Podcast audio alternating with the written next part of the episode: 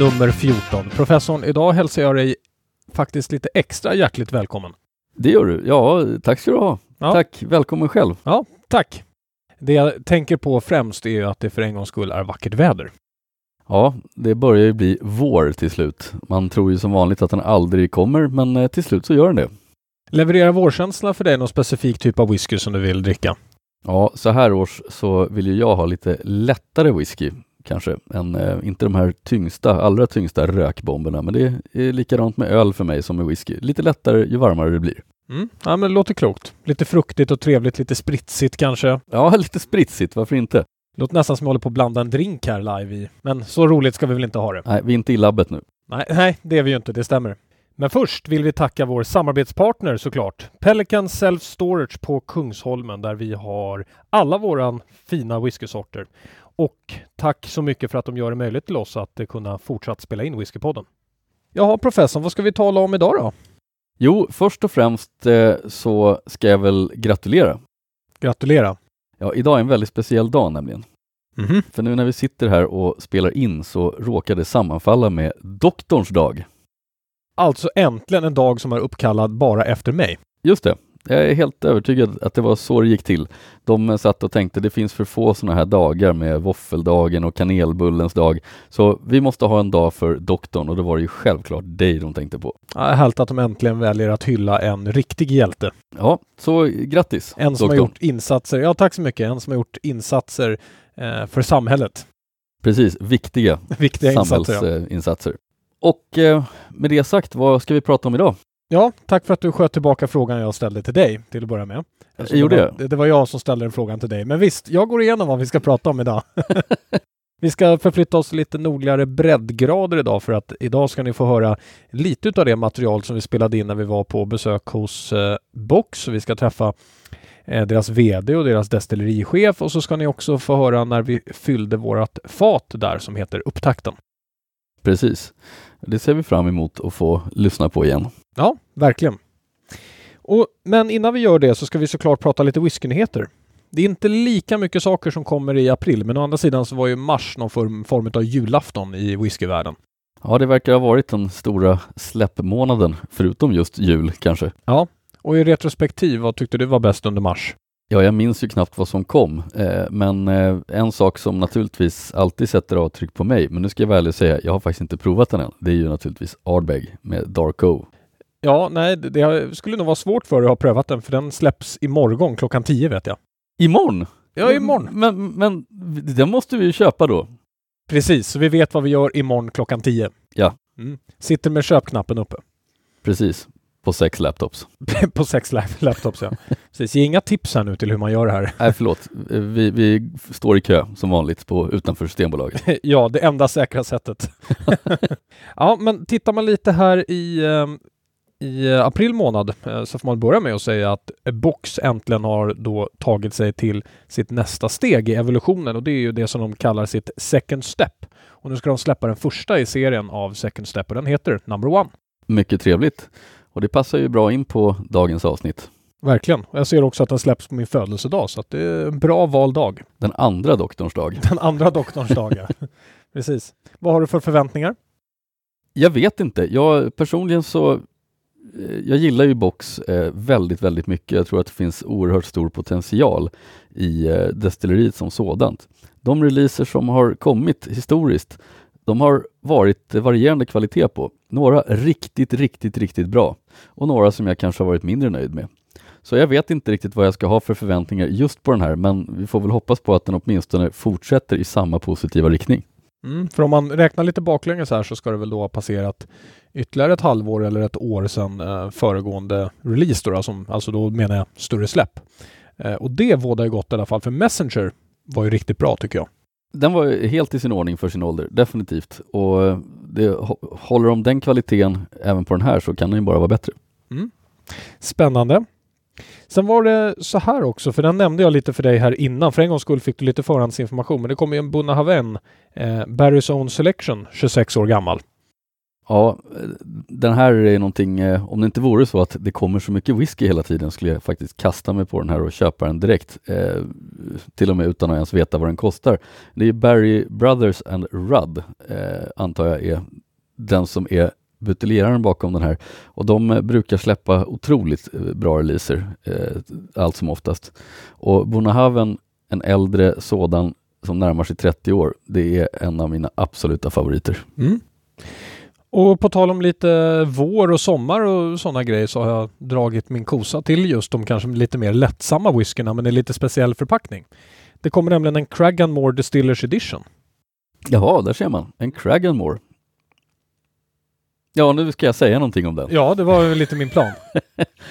ja, ja Cragganmore, jag har ingen eh, större relation till Cragganmore mer än att eh, det är ju en av eh, The Six Classic Malts naturligtvis.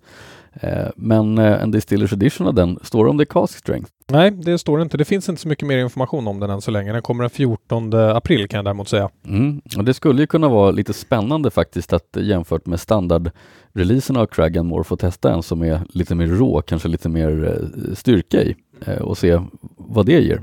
För den vanliga Craggan är ju en väldigt lättdrucken standardiserad whisky kan man säga. Den är lite försiktig, mm. kanske jag skulle uttrycka det som. Men, men absolut inte dålig. Och på tal om försiktighet så kommer ju Dalwinnys Distillers Edition också. Det gör den ja. Dalwinnie, ja. Där har vi kanske en som jag inte tycker är fullt så bra. Nej. Eh, jämfört med Cragganmore som ändå är en solid bra whisky tycker jag. Dalwhinnie tycker jag är ganska intetsägande men äh, återigen, man äh, kanske får omvärdera det om man provar en Distillers Edition. Bra, då ska vi se till att du, får, att du får göra det helt enkelt. Jag tror att vi släpper nyheterna där som vi alltid går i bokstavsordning. Eh, så har vi några kvar till nästa avsnitt också. Ja. Och prata om då. Det är väl praktiskt. Kanske vi kan se till att vi har prövat någon av de här som, som du nu både har höjt i skyarna och sänkt under fötterna. Ja, ja det blir mycket spekulationer annars. Ja, det blir det. Du ska få en uh, Dalwhinnie av mig i namnsdagspresent eller något sånt. Kanske på professorns dag. professorns dag, ja. Finns det en sån? Nej, vi får införa det. Ja. Men nu, väl in i programmet då, då och då backar vi några månader i tid.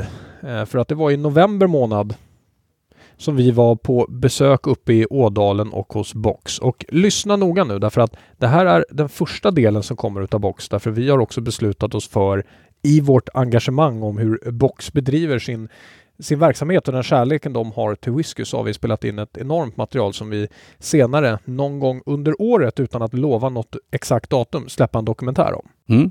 Det kommer vara en eh, lite längre eh, dokumentär, alltså inte ett vanligt podcastavsnitt utan eh, någonting som eh, ligger på kanske runt en och en halv uppåt en två timmar i värsta fall, höll jag på att säga. I värsta fall. eh, och där man eh, verkligen kan få eh, uppleva hur det är att besöka Box och vad Box eh, innebär för någonting. Så det ser vi fram emot att få släppa. Ja, så vill man inte höja den till skyarna, men jag tänker mig någonstans kanske en 10% över en P vanlig P3-dokumentär. Ja, det är väl någonstans där vi siktar. Ja, det låter bra.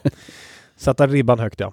Men som sagt, i november månad så var vi på besök hos Box. Eh, otroligt eh, eh gästfria människor, måste jag säga. Ja, Eh, vi hade ju verkligen jättetrevligt och förväntningarna var höga när vi åkte upp mot Ådalen. Vi hade ju träffat Box tidigare eh, och därmed så såg vi väldigt mycket fram emot att träffa dem igen. Mm.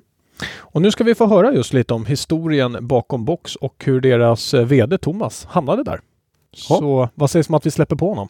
Nu släpper vi lös Thomas. Ja professorn, lite roligt att man sitter här inne i det som kallas Box Office. Men nu är vi inte här för att köpa några biljetter till någon konsert eller liknande. Vi är här i ett annat syfte nu. Ja, eh, men jag måste säga att det är, det är pluspoäng för fyndigt namn. Man skulle kunna tro att vi är i Göteborg. Verkligen. Och den här besökslokalen som Box har byggt här ser både ny och fräsch och den är mycket mysig och trevlig. Jag har döpt den till eh, ett eget namn faktiskt. Okej. Okay. Whiskykyrkan. Whiskykyrkan. Jag tyckte mm. det såg lite ut som ett altare och lite, ja. Mm. ja men jag, jag, håller med dig här. Det är, ett, det är ett mycket bra namn. Ja, Box Whiskykyrka. Det är där vi är nu. Nu har vi med oss Box VD Thomas Larsson. Välkommen! Oh, tackar, tackar! Till att börja med, ditt intresse för whisky, hur startade det? Jag menar långt innan du blev VD för Box. Ja, eh, jag kan väl säga som så att mitt whiskyintresse innan jag började på Box, det var inte stort. Okej. Okay. Nej, utan eh, jag är entreprenör eh, och och eh, i grund och botten är jag bonde. Eh, idén som, som, som startar upp här, kunskapen hos de människorna brist på kunskapen om vad man behövde. Det är min lycka. Okej. För, för att eh, eh, de trodde att man behövde en bonde för att eh, behöva producera whisky. Som skulle odla maltkorn då. Eh, så att där kom de första idéerna från grundarna var att ta, ta kontakt med mig då. Så där kom jag in. Men som sagt var i grund och botten är jag entreprenör och har väldigt, väldigt dåliga whiskykunskaper när jag får frågan om att engagera mig i det här projektet. Men det här är ju jätte, jätteintressant för det jag tänker då direkt är hur kände de här grundarna till dig? Eller kände ni varandra från början? Eh, ja, eh, väldigt ytligt kände jag Mats som ju är den som, som ägde destilleriet förut då. Han köpte det här 1990 utav eh, kommunen då som var ett förfallet hus som ju vi har inrett vår destilleri idag som är ju är egentligen ett vedelat ångkraftverk som är drygt 100 år gammalt. Mm. Det hade han som sin eh, ateljé och utställningshall. Vi hade haft lite eh, kontakt med varandra, kände varandra lite grann. Så att det, det var på den vägen. Sen har jag gjort massa saker i livet som kanske gör att, att eh, han tyckte, ja men han kan vi prata med. Jag hade gjort ett ganska stort eh, projekt tillsammans med Soiners bryggeri när det gällde malt och maltkorn och så vidare. Så jag hade ju en viss kunskap om den biten, men inte om whisky. Men, men är det så alltså, har jag förstått saken rätt? De eh, trodde att de skulle göra whisky, de sökte en bonde, men de fick en VD. Ungefär så. Mm. Ungefär så. Det är fantastiskt. Vilken perfekt matchning utav allting. Nu, nu när vi ändå är inne på det då, då, vad är bakgrunden till Box? Varför sitter vi här idag? Varför är du eh, VD? Vad var det man ville uppnå från början och hur föddes idén? Ja, idén föddes ju av bröderna eh, Pelle och, och Mats Deval då. Egentligen var det som så att Mats fyllde 50 år och fick en, en, en 50-årspresent av sin, sin bror Per. Och det var en fjällvandring som aldrig blev av. Utan istället åkte man till Skottland något år senare. Eh, och eh, där var ett litet samtal. Eh, Mats hade köpt eh, eh, eh, den här byggnaden som kallas i alla historiska dokument för Box kraftstation. Eh, han hade köpt den eh, utav kommunen och börjat renovera upp den. Det var ju ett fallfärdigt projekt. Så att han har ju renoverat skorsten och satt i fönster och dörrar och så vidare. Men, men han har inte råd att, att, att driva verksamheten vidare. Vad ska jag göra? Och då kom idén om att ja, vi kanske kan göra ett whiskydestilleri. Och de kommer hem från Skottland, tar kontakt med några vänner här i byn. Som liksom börjar driva det här vidare då. Och där startar alltihopa. Från en idé. Så att det är, och idag så har vi ett whiskydestilleri då. Mm. Du, du, nämnde om eh, huset där och att det har en speciell historia. Eh, det fanns ju en anledning till varför, varför den, här, den, här, den här byggnaden heter Box. Eh, och det är då att ett av de sågverken som fanns bland de här 50-60 sågverken som låg eh, kanske ett par hundra meter bort här. Eh, och det, de, det hette Kungsgårdens Mariebergs ångsågverk. De hade en fabrikslokal på sin mark. Och den här fabriken den gjorde lådor, lådämnen som alla exporteras till London. Och då förstår ni varför då. I London heter det inte låda, Box. låda. Utan det heter box då. Så box eh, kommer till som namn i mitten av 1860-talet. Och då får platsen namnet box också. Så vi befinner oss på box. Och i all folkmun så är det här man går, på, man går ner på box och så vidare. Så det, och i alla historiska dokument, det kanske jag sa då, så heter alltså vårt destilleri Box kraftstation. Mm. Så att det, det är därför vi heter Box. Spännande. Du pratade ju om, eller nu var du inne på varför det hette som det gjorde och så vidare. Så tänker jag så här att vad hände första dagen när, när du kom hit? För det var precis i starten. Vad var det första man skulle göra? Jag tänker mig att man bestämmer sig för att man ska få upp ett uh, whiskydestilleri. Nu ska vi börja göra whisky. Vad, vad gjorde man sen? Vilka började man anställa? Vad, hur började man bygga om? Och det, det, det, det, det, det, det dröjer ett tag. För första dagen man kom hit så tänkte man jaha, okej.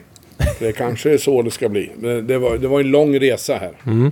Eh, mellan att... Eh, för den här dagen du pratar om. Den, den dagen är egentligen första mars 2010. Eh, då blir jag anställd på heltid och börjar anställa folk och så vidare.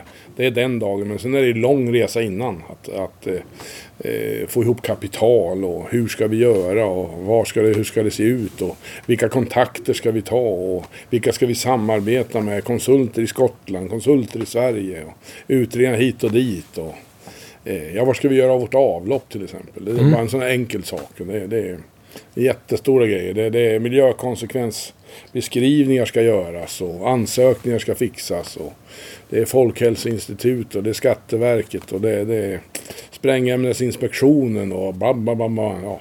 Väldigt, väldigt mycket. Vi hade ju alltså under den här resans gång från det vi bestämmer oss för att eh, försöka göra en verklighet av det här. Eh, så hade vi alltså eh, veckomöten där grundarna samlades varje vecka. För att prata om de här sakerna då. Så, och vad som ska göras nu, vilka steg vi ska ta och ta reda på allting. Så att det, det var en lång väg innan den första dagen kom. Men den kom ju till slut. Så Mm. det var ju roligt att den kom. När vi hade fått ihop alla pengar. Det, det krävdes ju en hel del pengar. Eh, innan vi startade. Ja, det Så förstår jag. Dryga 20 miljoner. 21 21,5 miljon hade vi. Eh, när vi startade upp då. Var du den första anställda? Hade man redan... Nej, jag, var, jag är den första anställda.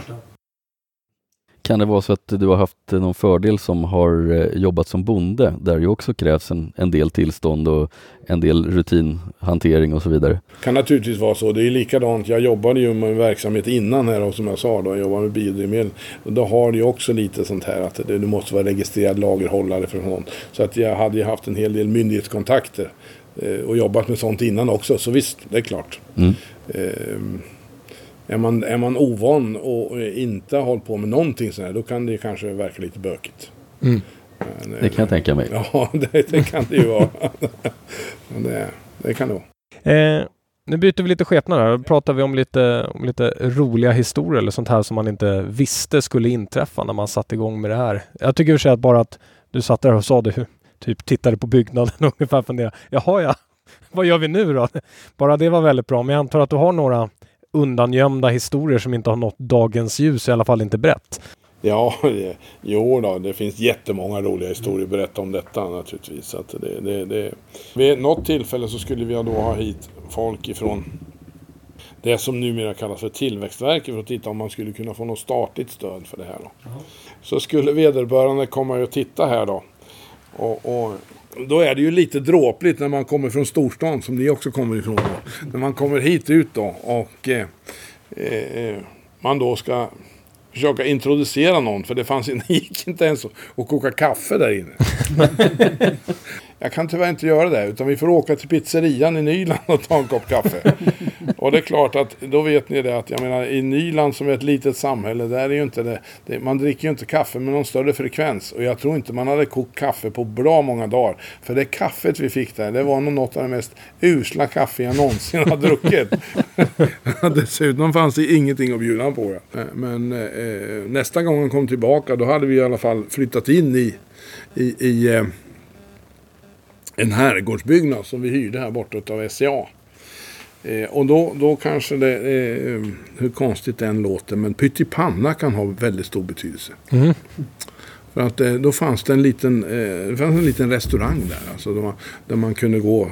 Man jobbade där som tjänstemän och så vidare. Så hade de en liten tjänstemannarestaurang där. Och vi kunde gå och äta där också då. Och han kom upp hit och, och eh, vi resonerade så vidare. Så hade jag beställt, för man, man var tvungen att beställa mat där då. Och då var det så att det, det var ju, det var pyttipanna den här dagen. Och, och inte vet jag, men jag tror att den här pyttipannan som då bjöds på, den har haft otroligt stor betydelse för att vi fick ett stöd från Tillväxtverket. För det, det är ändå, vi är ändå människor allihopa. Och det som bjöds på, det var hemgjord pyttipanna. Mm. Det var inte någon krögarpytt eller Felix hittan och dittan. Utan det var hemgjord pyttipanna. Och detta, den människan som kom hit, han var så fascinerad över att jag har fått hemgjord pyttipanna.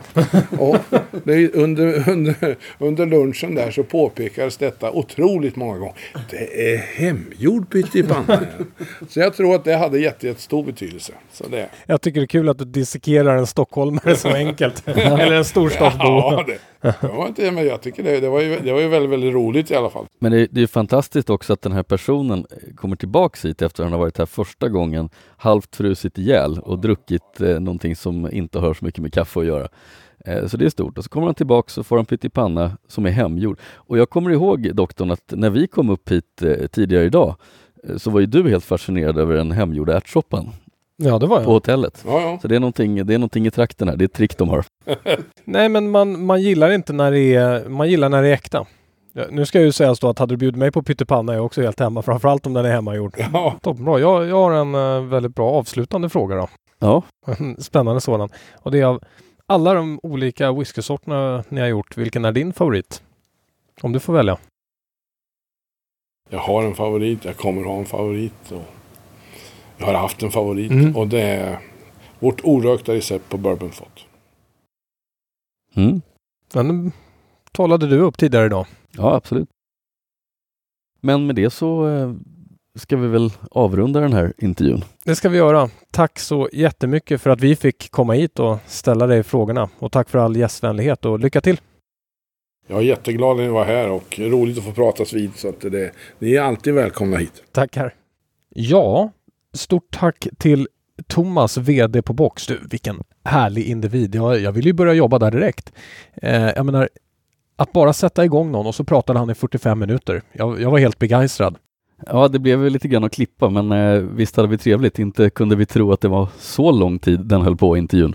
Nej, och så när man tittar tillbaka lite också på den historien han berättar så är det ju massor utav omständigheter och drömmar och visioner och allting och nu har man liksom fått ihop det här paketerat i ett. Jag tycker det är väldigt häftigt. Sen tycker jag att kopplingen också är tydlig mellan konstnärsverksamheten man hade och alkoholen man har idag.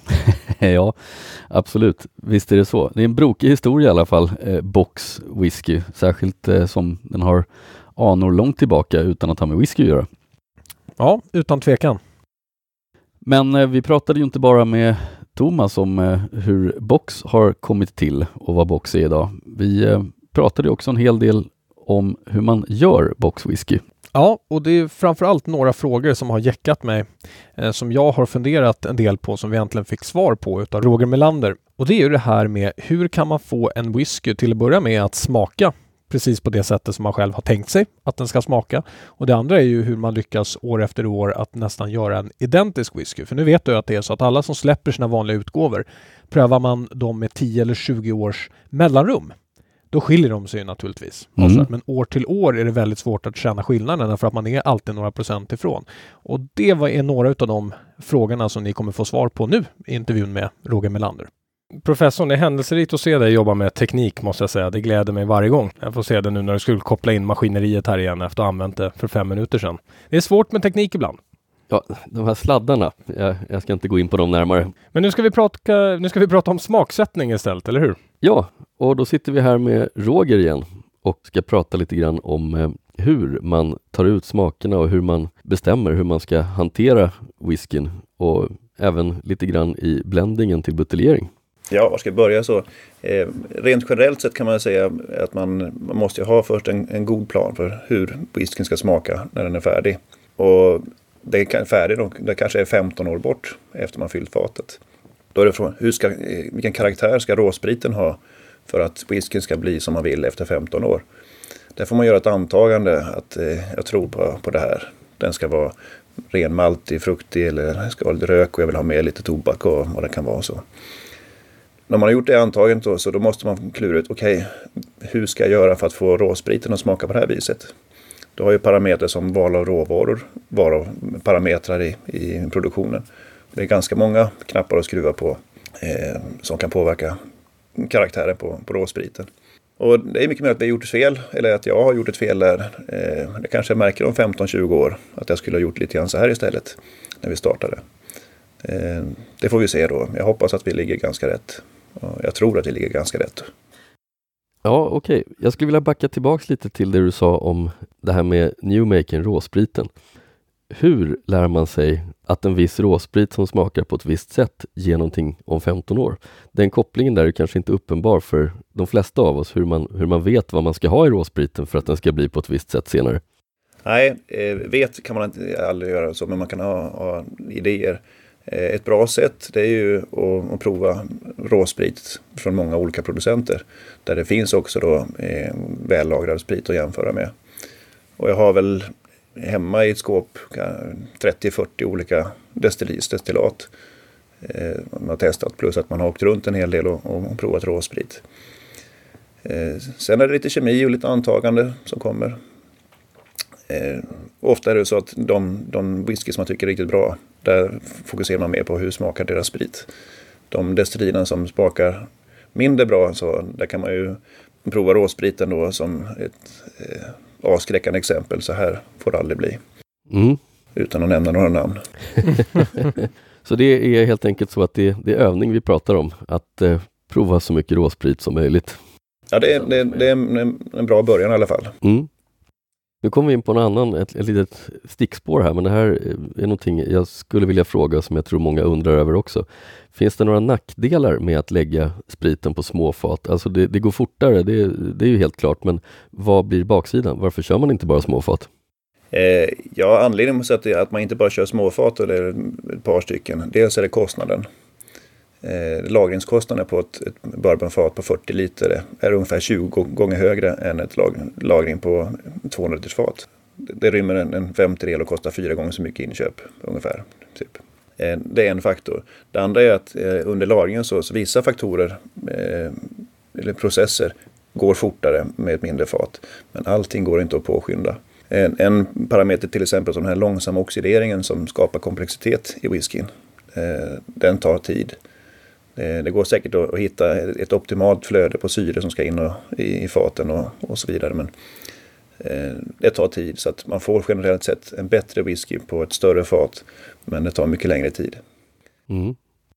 En, eh, en fråga på samma ämne. Om man nu eh, utgår från att man har ett litet fat, kanske 40 liter, som, som ni kör med ankarna eller 39,25. Är det så att det inte lönar sig att lagra ett litet fat i kanske 15-20 år? Finns det några baksidor med det? Ja, det skulle bli totalt överlagrat. Du skulle tappa helt och hållet balansen mellan fat och destillat. Mm. Så att eh, rent generellt sett kan man säga att eh, ett en bourbonfat till exempel på, i ankarstorlek. Där tror jag att en optimal lagringstid ligger någonstans mellan 4,5 och 5,5 år. Eh, och den orökta spriten har märkt att den, den utvecklas lite snabbare än den rökta. Så det är kanske ett halvår skillnad mellan orökt och rökt eh, destillat. Men skulle du låta ett bourbonfat ligga då i 10 år då, då är det liksom bara fatkaraktär. Eh, och ganska tråkig whisky.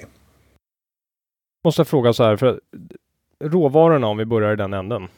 De byts väl antagligen ut delvis över tid. Jag menar över 15 år så är det inte säkert att du varenda gång du ska köpa in produkterna har samma råvaror. Hur, hur börjar man med att säkerställa att det ska bli samma sa- smak där?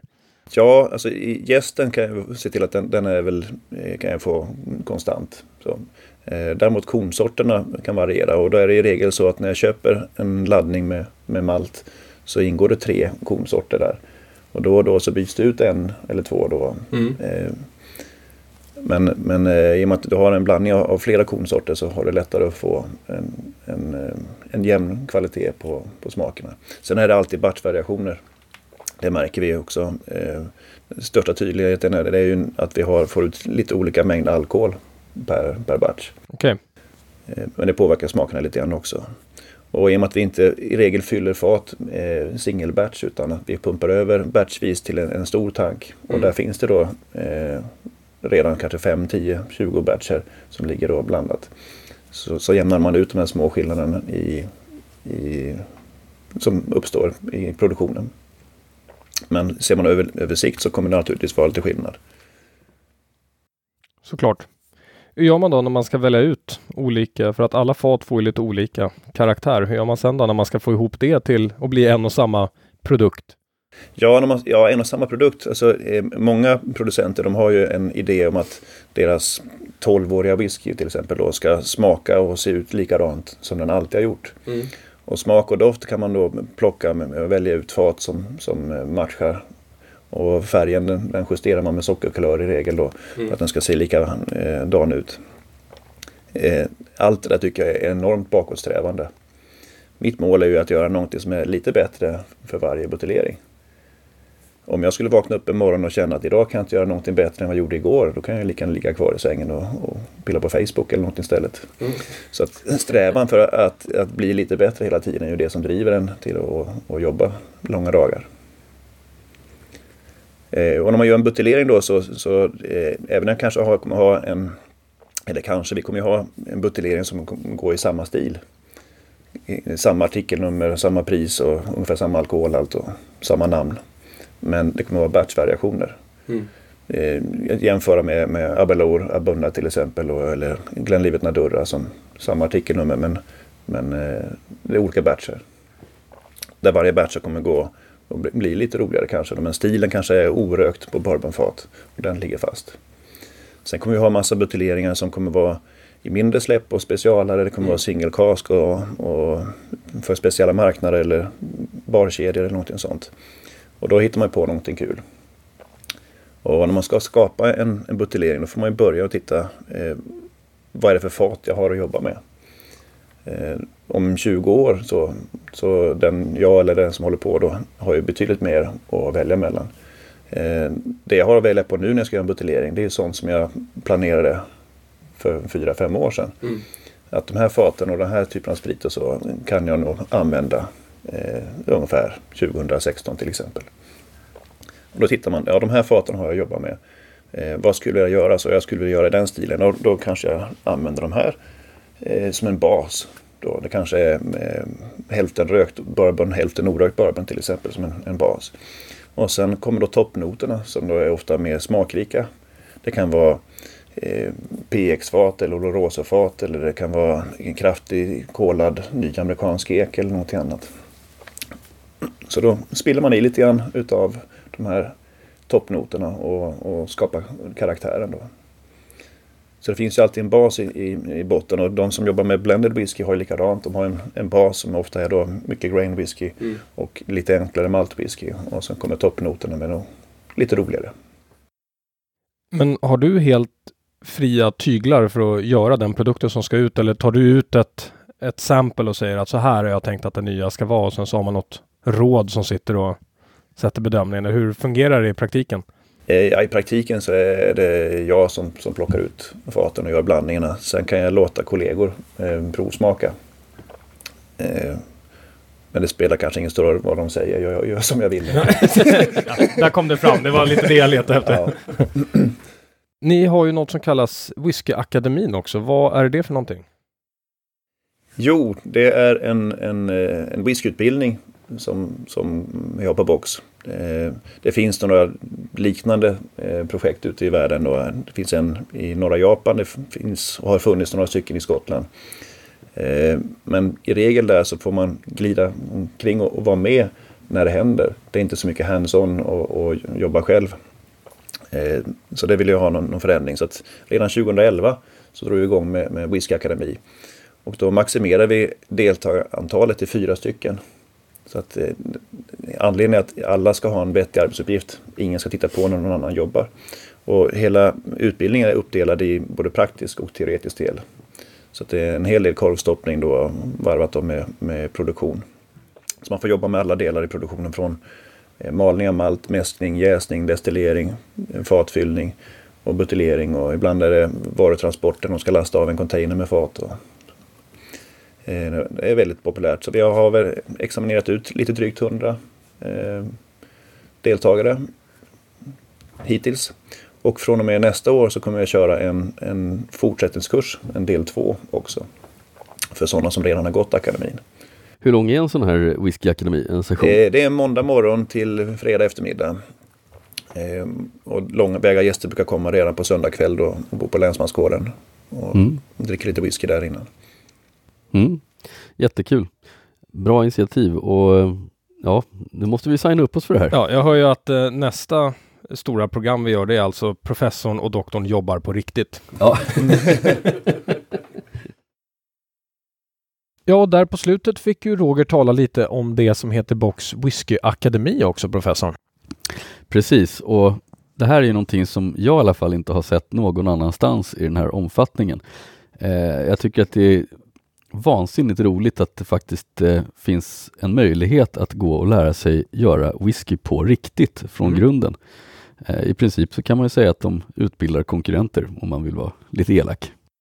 Ja, det skulle man kunna säga faktiskt att de gör. Mm. Och skulle det vara så att vi kunde uppbringa de pengarna som det krävs för att delta så skulle vi nog gärna vara med själva. Ja, det stämmer. Det skulle ju vara jätte, jättehäftigt och i de där miljöerna också som de har. Kan det bli bättre? Nej, troligen inte. Men eh, vi ska väl vara ärliga med att säga att eh, det kostar 13 000. Det tar en vecka att vara med. Det är säkerligen värt pengarna. Men det är otroligt begränsat med platser på de här också.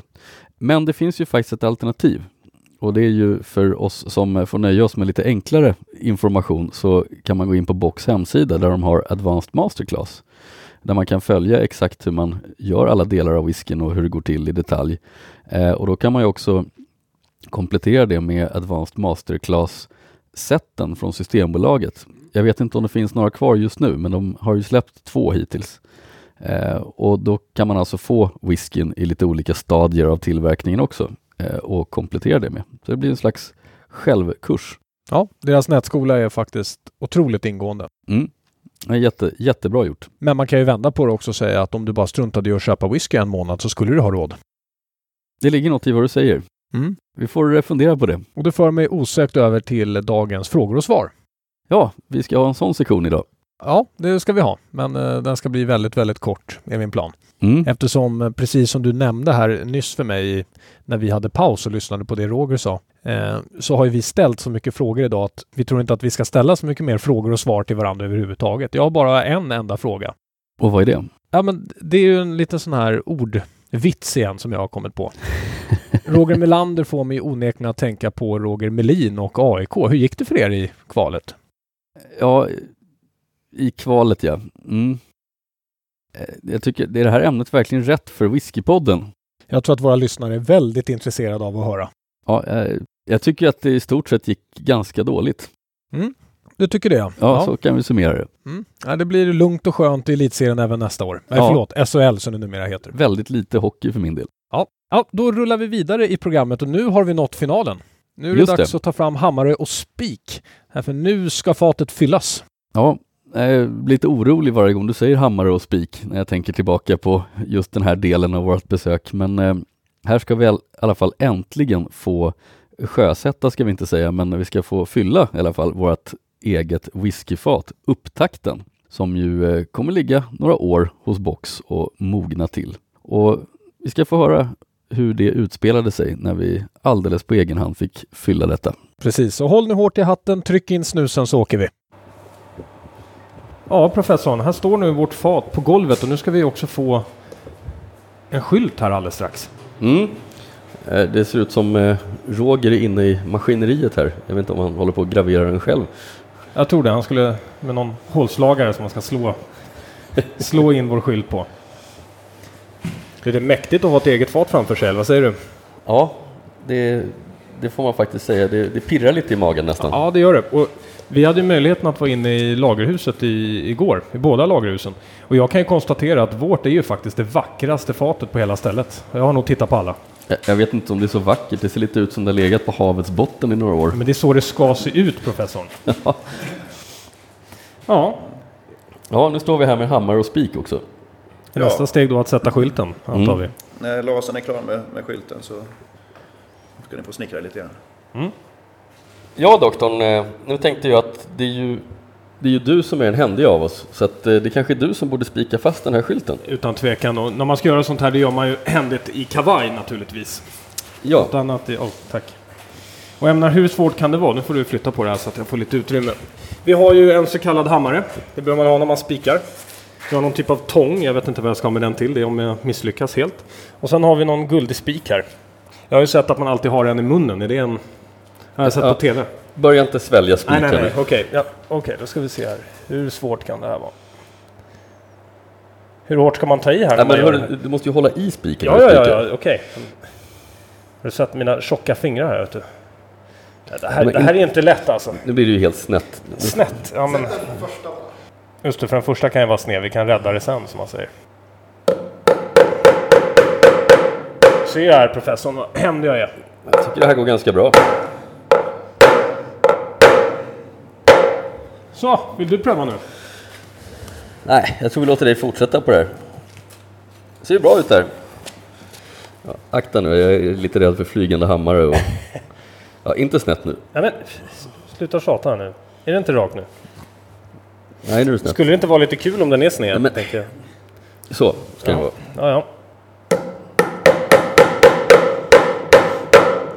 Spika inte igenom nu. Ja, men, så långa är väl inte spikarna trots allt. Men man märker ju att man har det här eh, i blodet. Jag hade ju en släkting som ägde ett byggföretag. Ja, han hade ju aldrig spikat hela sitt liv, men man känner ju här att man i blodet har fått det här med sig. Va? Du ser väldigt eh, hemtam ut med spikandet. Ja. Det gäller att den sitter bra. Den ska sitta här många år. Så, så tänker jag. Vad säger du Roger? Du har aldrig sett någon med sån här känsla? Du skulle kunna anställa mig direkt och jobba Jag med det här. det, om det skiter sig på banken så, så kan du alltid ta ett jobb som, som eh, snickare. Vi ser här, vi har fått in takten här nu. Så! Fatspikarlärling. Ja, visst. Strålande. Blev nästan rak också. Ja, ja, det är det är ett enastående jobb faktiskt. Ja, nu har vi öppnat fatet här nu. Nu ska vi, nu ska vi dofta och se eh, vad det är för någonting i.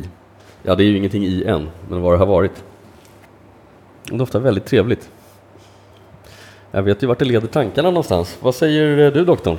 Ska du ge det här en... Jag tror att det är från eh, Skottland. Kan det stämma? Jag tror att du har rätt. Du, det kan bli något där. Mm. Tror jag. Det smakar, eller smakar, det doftar eh, sött och trevligt. Ja, det gör det verkligen. Mm. Väldigt, väldigt trevligt. Ja, nej men nu kan vi inte stå här och dofta fat. Nu måste vi hälla i något i det här. Det ser ut lite som på macken här. Ja, men- faktiskt. Det är Ja. smaken. Vem fyller? Eh, ska jag fylla här? Det här verkar... Ja, om du spikar Jag, så har- fyller jag har jag. aldrig sett dig lyckas på en bensinmack, så det här blir intressant. Är det där lagom djup i fatet? Ja. Ja, du får säga, säga stopp här. Ja, det är nästan som att, att tanka bilen då. Eh, skillnaden är att eh, när fatet är fullt så stannar det inte per automatik. Så att när du blir blöt om fötterna då stannar du för länge sedan. Ja. jag ska komma ihåg det. Ja. Det är livsfarligt när du ligger här på alla fyra sen och ska slicka upp de sista dropparna. Upp till 51, 52 kan man blåsa på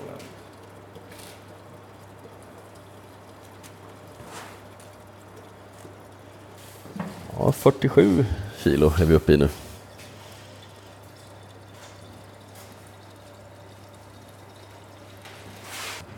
Nu har vi 51. Ska vi lugna ner oss lite nu?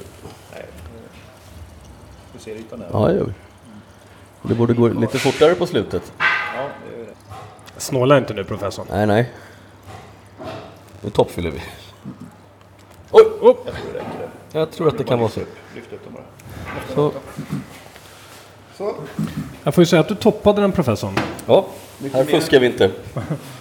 Mycket mer än så blir det inte. Som bestraffning här nu. Så måste det där drickas. Ja, nej, men klockan är ändå efter elva. Ja. Nu har vi våran eh, new age här. Man kan ju lätt påstå, professor, när man står med den här nu att den är ju faktiskt från vårt fat.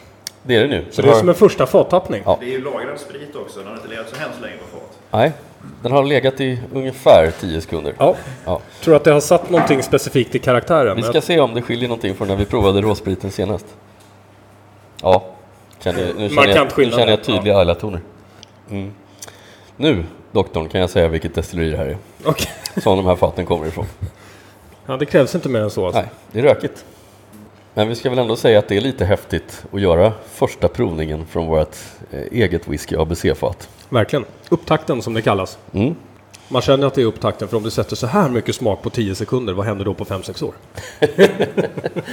Ja, nej, vi ska vara lite allvarliga. Det är ju överfyllningen här som är felet som jag gjorde. Det är därför vi måste... Jag tyckte du gjorde ett jättebra jobb i alla Ja, fall. tack. Ja, du spikade Du skulle kunna också. börja jobba här när som helst. Pluggen ska i också. Ja, det, Ja, det, får det får- nästan, det får nästan Speyer göra nu. Mm. Jaha, Speyer. Ja, du hör ju när det är i botten. Ja, Det. Du behöver inte slå mycket mer. Ja. Nu vet vi att fatet är förseglat. Ja, det, det vet vi. Och att vi har att göra med ett proffs. Här var någon som kunde använda en hammare. Precis. Jag kör lite mer finsnickerier så tar Speyer de större grejerna. 56,6 kilo blir det då. Ja, och nu ligger den där och vilar det här otroligt fina fatet som vi fyllde i Ådalen. Du såg lite nervös ut när jag höll i hammare och spik. Ja, jag är inte säker på än idag om fatet verkligen är tätt efter ditt spikande, men eh, vi håller tummarna. Jag kan säga att då trots allt, jag tror inte du behöver vara så oroad. Jag menar, det ligger trots allt i mitt blod. Eller ja, vi hade en hantverkare hemma en gång. Så jag har ju sett hammare och spik faktiskt. Ja, det var uppenbart. Okej, men då har vi inte så mycket mer att bjuda på denna gång. Nej, man får hålla sig till nästa gång, så är det. Mm. Eh, och det ska även vi. Vi ska gå in i lite, lite bra träning här inför nästa gång för att du har utlovat någon typ av världsospecificerad eh, whiskyprovning till nästa gång. Och vad, vad innebär det? Ja, kommer du ihåg när vi hade våran eh, billigaste blended? Den provningen. Mm. Mm, du ser lite skeptisk ut här. Ja, borde man inte bli det när du nämner det? Ja, kanske. Det, den här eh, sessionen kommer gå lite på samma tema fast det blir en variant. Det blir inte längre de billigaste blended utan det blir en bra mix av eh, global whisky. Eh, dels sån som är eh, billig för att se om vi kan hitta någon överraskning här. Och när vi pratar billig så menar jag riktigt billig. Vi kommer titta på eh, whiskyvarianter som kanske inte alltid klassas som whisky nödvändigtvis, men som man lite slarvigt brukar kalla för whisky också. Eh, I kombination med udda whiskytyper och whiskysorter och whiskyländer framförallt. Mhm. Har du något, eh, någon sneak peek? Ja, det kan bli att det kommer en schweizisk whisky. En schweizisk whisky? Mm. Låt mig gissa, är den dålig och billig? Nej, allt är dyrt i Schweiz i och för, i och för sig, så dålig och dyr. Det, det, jag hoppas ju på att den är bra och dyr, men eh, vi får väl se. Ja, okej. Jag hör vad du säger. Jag ser med spänning fram emot det här. Ja, jag med. Mm. Framförallt det där när du nämnde att det skulle vara billiga saker. Jag blir inte förvånad när det är du som ska välja innehållet till programmet. Får väl jag toppa det här med bara whisky som kostar över 2000 gången efter då. Ja, det blir ju inget bra program. Nej. ja, nej men tack till alla er kära lyssnare och eh, tack till dig professorn och så säger vi på återseende. Ja, tack doktorn. Slanche.